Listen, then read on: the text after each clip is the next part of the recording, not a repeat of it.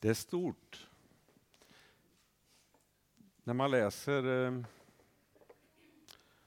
om långfredagen, kanske då, börjar där. När Jesus står där med Pilatus och så står Barabbas där intill. Det står ju att han var en brottsling och förtjänade egentligen döden, kanske, enligt deras sätt att döma människor. Men han blev frikänd. Människorna valde att korsfästa Jesus istället. Det är lätt för oss när vi läser Bibeln, tänker jag, att tänka att ja, men han kanske vore värd Barabbas egentligen, att han skulle spikats upp. Men Barabbas, det är egentligen du och jag, om man tänker på det. Han var inte sämre eller bättre än vad du och jag är. Visst, han hade gjort hemska saker. Men det är inte det som det handlar om egentligen, vad du har gjort. Det handlar om att vi alla behöver förlåtelse och få ta del av vad Jesus gjorde. Men han är uppstånden, han lever och graven den är tom, kan vi läsa. Visst är det underbart? Jag förstår det inte, men med mitt hjärta så vill jag försöka greppa det i alla fall. Det är helt enormt. Är det. I Lukas så står det här, när kvinnorna kommer, varför söker ni den levande bland de döda? Alltså det är, det är stort. De har följt Jesus, de har sett, han dog ju. De bar in honom i en grav och ställde en sten framför. Varför söker ni den levande bland de döda? säger ängeln. Det är helt otroligt. Och frågan till oss här idag är, har du mött denne Jesus? Har du mött den uppståndne Jesus som förvandlar liv, som ger liv och förlåter vad det än är som du går och bär på. Det kan du bli förlåten för här idag. Jag vill läsa från Matteus 28. Och de tio första verserna. Vi läser. Efter sabbaten, i gryningen den första veckodagen, då gick Maria Magdalena och den andra Maria för att se på graven.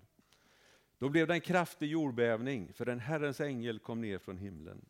Han gick fram, rullade bort stenen och satte sig på den. Hans gestalt var som blixten och hans kläder var vita som snö. Vakterna skakade av skräck för honom och blev som döda. Men ängeln sa till kvinnorna, var inte rädda. Jag vet att ni söker Jesus, den korsfäste. Men han är inte här. Han har uppstått som han har sagt. Kom och se platsen där han låg och gå genast och säg till hans lärjungar att han har uppstått från de döda. Se, han går före er till Galileen och där ska ni få se honom. Och nu har jag sagt er det. De skyndade då genast iväg från graven och med bävan och stor glädje så sprang de för att berätta det för hans lärjungar. Och plötsligt mötte Jesus dem och hälsade dem. De kom fram och höll om hans fötter och tillbad honom.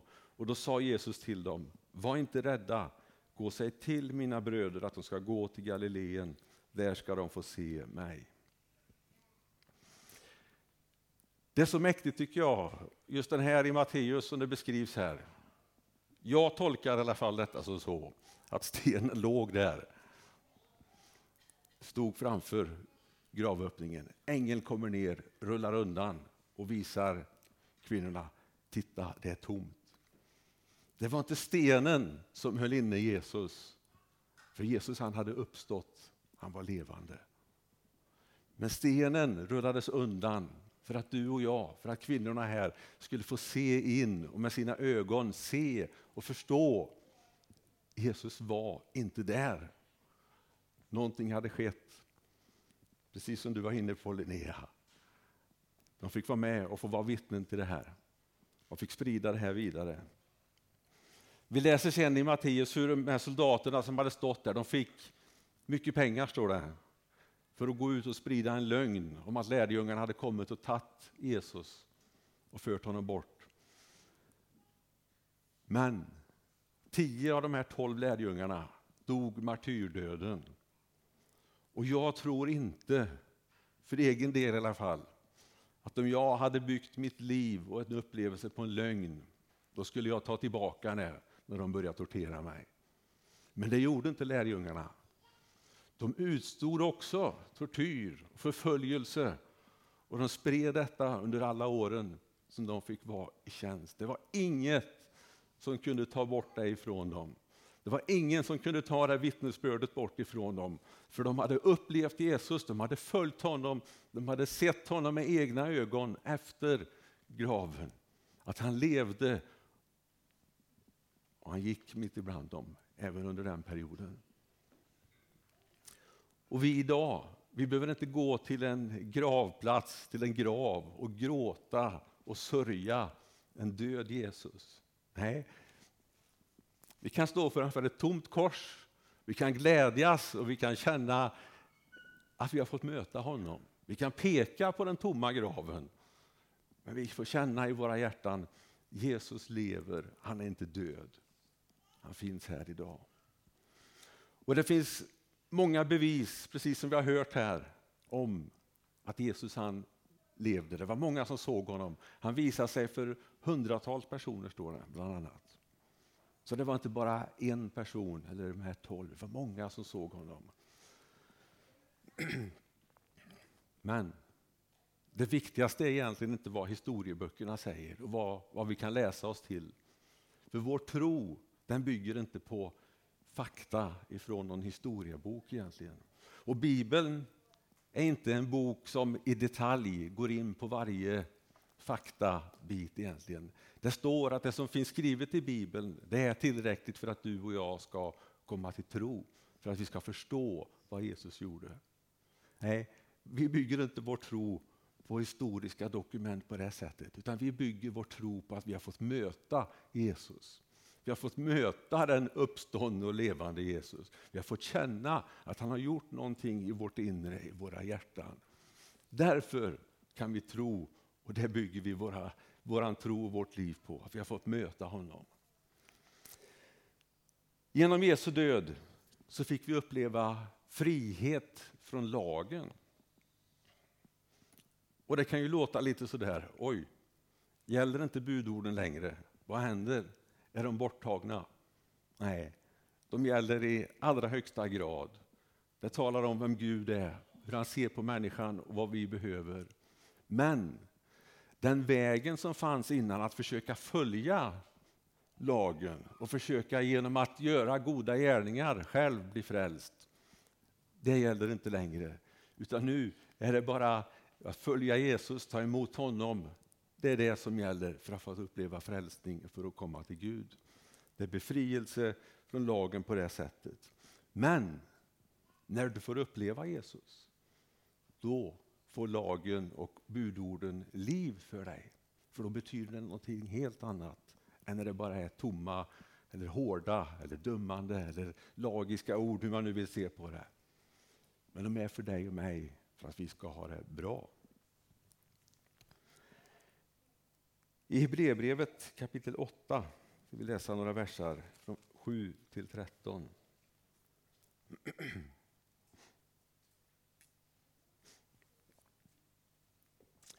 För om det första förbundet hade varit utan brist så skulle det inte behövas ett andra. Men Gud förebrår dem när han säger, se dagar ska komma, säger Herren, då jag ska sluta ett nytt förbund med Israels hus och med Juda hus inte som det förbund jag slöt med deras fäder den dag jag tog deras hand och förde dem ut i Egyptens land. För de blev inte kvar i förbundet med mig, så jag brydde mig inte om dem, säger Herren.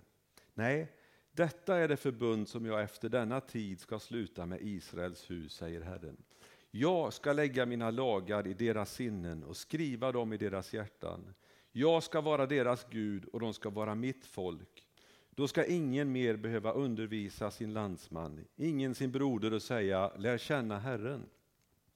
Alla kommer att känna mig, från den minste av dem till den störste, för jag ska i nåd förlåta deras missgärningar och aldrig mer minnas deras synder.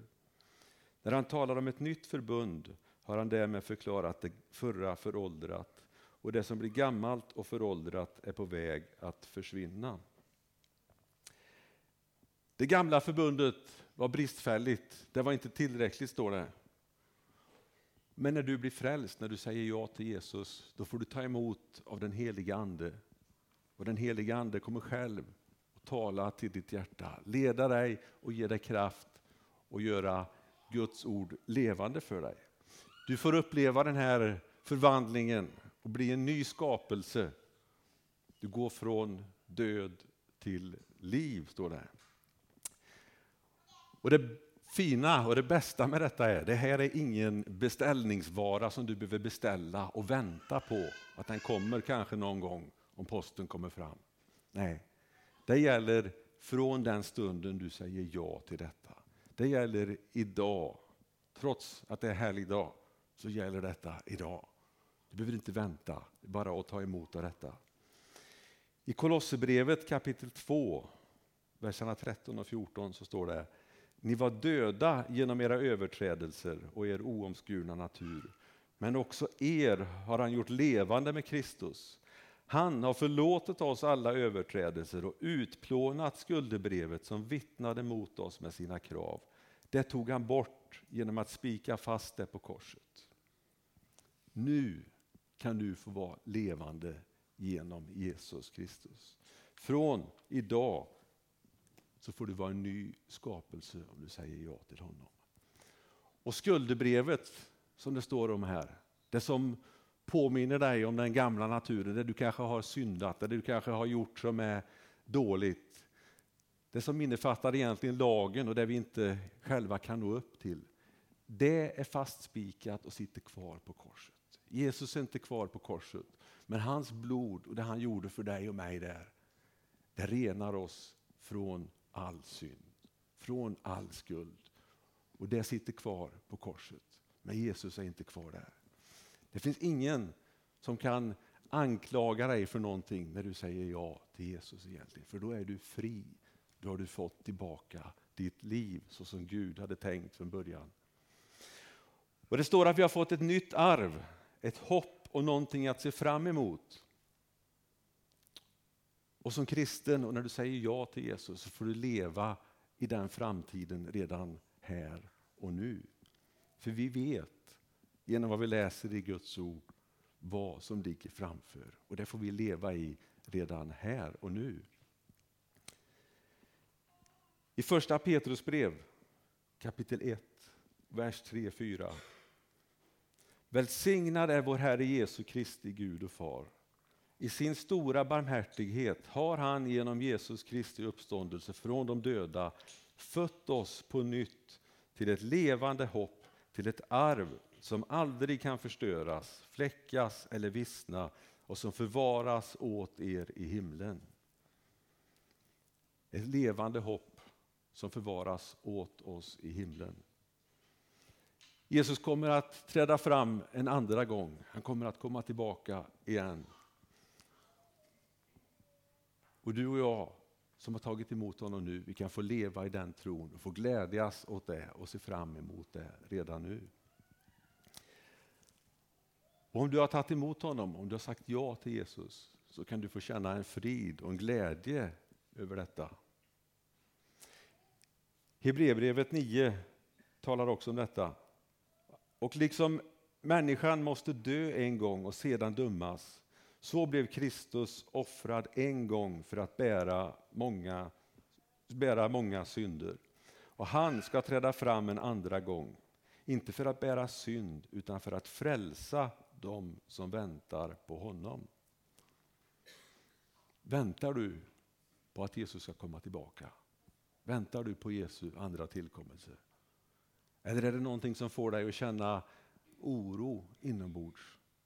Känns det jobbigt att tala om detta?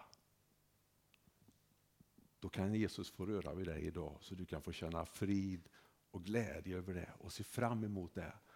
När vi skiljs åt här i eftermiddag så får du bära med dig det hoppet och den tron att en dag kommer Jesus tillbaka och då får jag vara med. Det finns en eh, sång som jag hörde ganska nyligen här för första gången. Se hur gudsvinden bär, Ingemar Johansson. Det var en strof där, det var, den var bra hela sången. Men det står så här, vägen börjar där du står. Och Jag tycker det är så viktigt för oss alla egentligen att kunna ta det till oss. Att det spelar ingen roll hur din historia ser ut och vad du har med dig i bagaget, vad du har brottats med. Du kan få lägga allt det inför korset och börja vandra en ny väg idag tillsammans med Jesus. För vägen börjar precis där du står. Du behöver inte prestera någonting eller göra någonting i egen kraft där. Utan Jesus finns där och vill börja vandra med dig. Vi läste i Hebreerbrevet, för jag ska i nåd förlåta deras missgärning och aldrig mer minnas deras synder. Så totalt och komplett förlåter Gud dig och mig när vi tar emot av den nåden och det han gjorde på Golgata för dig och mig. Och jag vet inte, men ibland kan det vara så att tankar och funderingar kommer över oss. Och du som kanske brottas med de här tankarna som kommer då och då, de sitter som en, hur kan man säga, en apa på axeln och talar till dig att du som gjorde det där den där gången, du som sa så den där gången, kommer du ihåg den där gången när du ljög? Kommer du ihåg den där gången när du gjorde på det och det viset? Du behöver inte känna så. För genom Jesu försoning och det han gjorde på Golgata så kan du få säga nej till de tankarna när de kommer. Du kan få peka på Jesus, du kan få peka på korset och säga genom det Jesus gjorde det här så behöver jag inte leva med de tankarna. Jag behöver inte brottas med det. Jag kan vara fri från de tankarna när de kommer. Det stod att ängeln rullade bort stenen. Och kanske är det så att det finns någon sten i ditt liv idag som ligger i vägen för att du ska kunna få känna den här glädjen och friheten och låta ljuset och låta korset få skina in i ditt inre. Stenen behöver egentligen inte rullas bort som vi sa här för Jesus skull egentligen. För han ser till ditt inre. Han kan komma åt det. Men för din skull, för att du ska kunna känna friheten, för att du ska kunna vandra ut i full frihet, så kan den här stenen få tas bort idag för dig också. Och Det kan nog vara så att även om du har varit kristen i många år, du har mött Jesus och sagt ja till honom för länge, länge sedan, så kan det ändå hända att saker samlas på hög i ditt liv. Du kanske gör saker, du kanske lever på ett sätt, har sagt saker och gjort saker som du egentligen ångrar och brottas med som finns där inne. Du trycker ner det, du gömmer undan det. Du kanske har stängt en dörr eller lagt den här stenen framför för att inte bli påminn om det. För du vet att om det får skymta fram lite så kommer det att bli så jobbigt, det kommer att göra så ont i dig. Men det finns förlåtelse. Du kan få komma tillbaka till Jesus idag om du går och bär på något sånt. För Jesus han vet precis i så fall vad du har stängt in i ditt innersta. Han ser bakom den här stenen. Och det gör han inte för att döma dig. Utan han ser det för att han vill lyfta bort det och låta dig få uppleva befrielse på nytt. Få känna glädjen och få känna att du kan sjunga med i lovsången när vi tillber och bara upphöjer Jesus för vad han gjorde. Om du låter honom få röra vid dig. Och jag tror, jag vet, att ditt liv det är så mycket mer värdefullt än att du ska låta sådana saker få tynga dig och få hålla dig nere.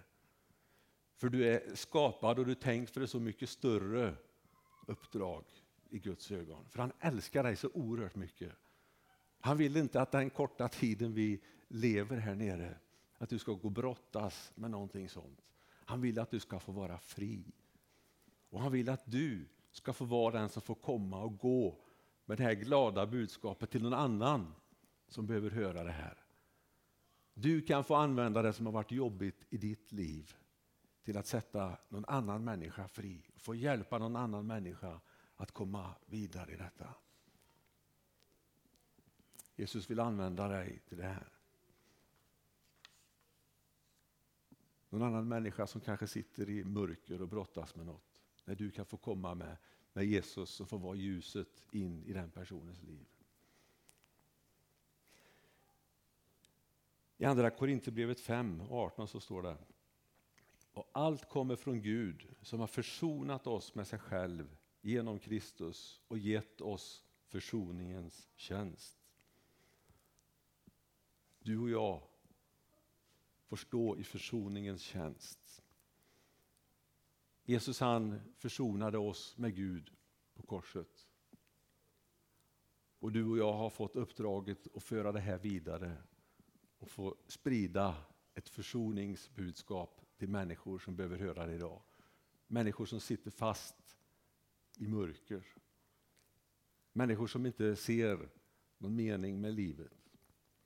Människor som varje dag blir oroliga när man läser och ser och hör vad som sker om, runt om i vår värld.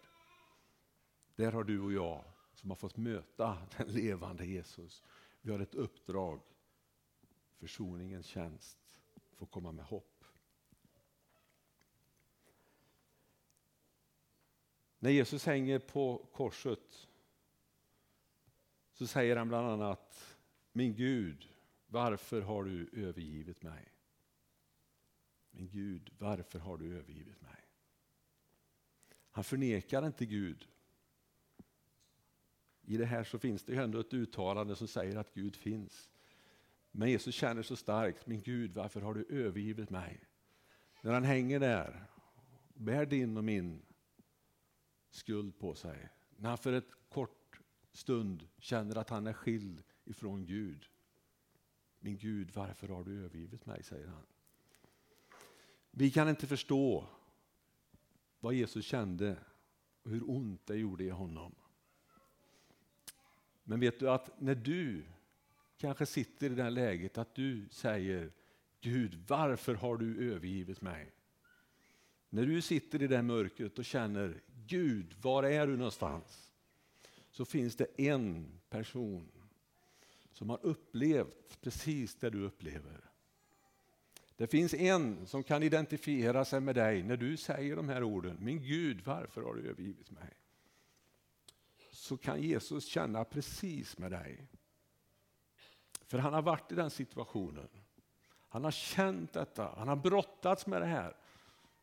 Han har verkligen fått känna, Gud var är du? Har du övergivit mig? Han kan känna med dig och han kan lyfta dig ut ur det. För han vet vad du behöver för att komma ur det mörkret. Om uppståndelsen är sann, om Bibeln är sann. Jag har hört utmaningen redan idag. Kan du fortsätta att leva ditt liv som du gör idag? Om det skulle vara sant. Behöver du förändra någonting? Behöver du göra någonting åt ditt liv? Om detta är sant. Du kanske har sagt ja till Jesus en gång. Du kanske har levt i detta. Men är det levande i dig idag? Lever du i det här nya förbundet? Lever du i försoningen. Kanske är så att du inte har sagt ja till Jesus någon gång. Och vad vore väl bättre än att på påskdagen få säga ja till Jesus, säga ja till livet. Den dagen då Jesus uppstod och gav oss livet. Att du idag skulle kunna få börja den vandringen, få börja den vägen genom att säga ja till honom idag. Kolosserbrevet 3 och 1. Om ni nu har uppstått med Kristus, sök då det som är där ovan, där Kristus sitter på Guds högra sida. Vi har alltså redan nu fått ta del i uppståndelsen, det Jesus gjorde. Och det får konsekvenser med sig i sitt liv redan idag. För när vi får möta honom så får vårt liv helt andra prioriteringar och ett helt annat innehåll. Men det finns också bibelord som vi har läst om och jag ska läsa ett till här som ändå pekar på att en dag så ska vi slutligt uppstå med Jesus. En kroppslig uppståndelse. Då Guds skapelseplaner det han har tänkt kommer att fullbordas. Då vi får möta honom. En dag när vår kropp inte längre bryts ner eller åldras och vi får brottas med olika krämpor och sjukdomar. Utan en dag när vi får uppstå med Jesus och få möta honom och inte behöver leva under de betingelser som vi lever idag. Jag vill läsa några verser ifrån första Korinthierbrevet. Kapitel 15, vers 20-23 och 50-57. Men nu har Kristus verkligen uppstått från de döda som förstlingen av de insomnade. Eftersom döden kom genom en människa kom också det dödas uppståndelse genom en människa. Liksom alla dör i Adam så ska också alla göras levande i Kristus, men var och en i sin ordning. Kristus som förstlingen och därefter, när han kommer, de som tillhör honom. Men det säger jag bröder, kött och blod kan inte ärva Guds rike och det förgängliga kan inte ärva det oförgängliga. Se, jag säger er en hemlighet. Vi ska inte alla insomna, men vi ska alla förvandlas i ett nu, på ett ögonblick, vid den sista basunens ljud. Och basunen ska ljuda och de döda ska uppstå, odödliga och vi ska förvandlas. Detta förgängliga måste kläs i oförgänglighet och detta dödliga kläs i odödlighet. Men när det förgängliga är klätt i oförgänglighet och det dödliga klätts i odödlighet, då uppfylls det ord som står skrivet. Döden är uppslukad i seger. Du död, var är din seger? Du död, var är din udd? Dödens udd är synden och syndens makt kommer av lagen. Men Gud var det tack som ger oss seger genom vår Herre Jesus Kristus. När vi ska få kläs i odödlighet en gång. Genom Jesus seger, genom hans uppståndelse. Och Vi kan stämma in i orden som vi läste här. Du död, var är din seger? Du död, var är din udd? Döden är uppslukad i seger, står det. Jesus har vunnit en evig seger och du och jag har liv. Ibland är inte livet enkelt att leva.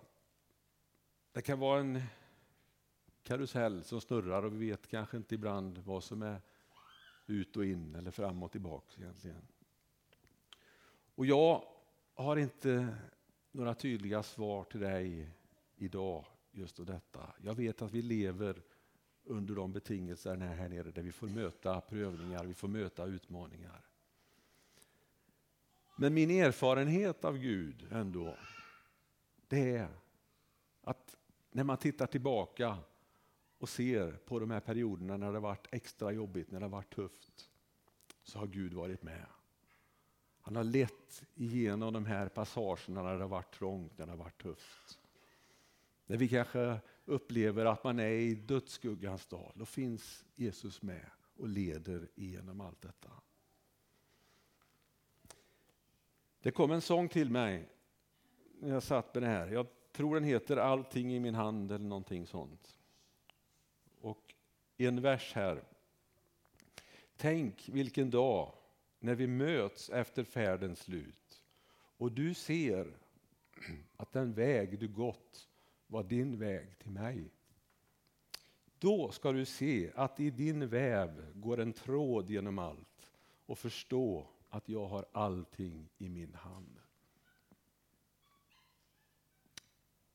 Ta emot det som att det är Jesu ord till dig idag. Att när vi en dag kommer att blicka tillbaka och se, då kommer vi att förstå att i det vi möter nu så är Jesus med och det finns en tråd genom allt. Och frågan är ju idag, är du beredd att lägga allting i Jesu händer och följa honom och få känna det här? Att det ska finnas en tråd i mitt liv. En tråd som Jesus själv lägger ut och som jag får följa. För du kan få uppleva det från den här dagen. Det kommer inte bara vara soliga dagar. Då skulle jag ljuga om jag sa det. Men det kommer att varje dag få kännas i ditt hjärta att Gud är med. Jesus är med dig varje dag. Han kommer varje dag att vandra vid din sida. Oavsett hur vädret är, oavsett hur det är runt omkring dig, så kommer Jesus att vara med. Jag skulle vilja ge dig en möjlighet här, du som känner att jag vill få uppleva mer av Jesus. Jag vill säga ja till det erbjudandet som finns genom korsets budskap och den uppståndelsen. Jag skulle vilja inbjuda dig till att komma fram. Vi kommer att ha förebedjare här längst fram i lilla salen som finns förberedda, varit i bön och vill vara med och möta dig och be för dig. Du kanske har den här stenen och känner att jag vill få bort den här stenen. Jag vill att det som kommer upp då och då och gör sig påmint i mitt liv, jag vill bli fri från det en gång för alla. Jag vill inför Jesu kors lyfta undan den stenen och släppa ut det jobbiga och bara lägga det inför korset, inför Jesu fötter. Du kan få hjälp med det, att någon får be för dig. Eller du som bara känner, jag vill ha mer av Jesus, jag vill bli välsignad. Kom fram och låt någon bara få be en välsignelsebön över dig. Det finns en sån styrka i det. Det finns så mycket att få. Jesus han bara sträcker sina händer mot oss och vill ge oss av det här idag. Men det är du som får bestämma och ta beslutet om du vill låta dig beröras av honom. Jag tror vi får lyssna på någon mer sång här. Vi går in i, en, i den delen där du får känna dig fri och röra dig fram för förbön. Eller knacka någon på axeln som du har förtroende för här och säg lägg en hand på min axel, be för mig. Jag vill uppleva Jesus idag här. Fader, jag tackar dig för att vi får upphöja ditt namn. Jag tackar dig Herre för att vi får redan nu leva i hoppet Herre och förvissningen om att du har gjort någonting nytt i våra liv Herre. Jag tackar dig för den här helgen Herre, när livet fick komma tillbaka till människan Herre. När du återställde relationen med Gud genom din död och din uppståndelse på Golgata Fader.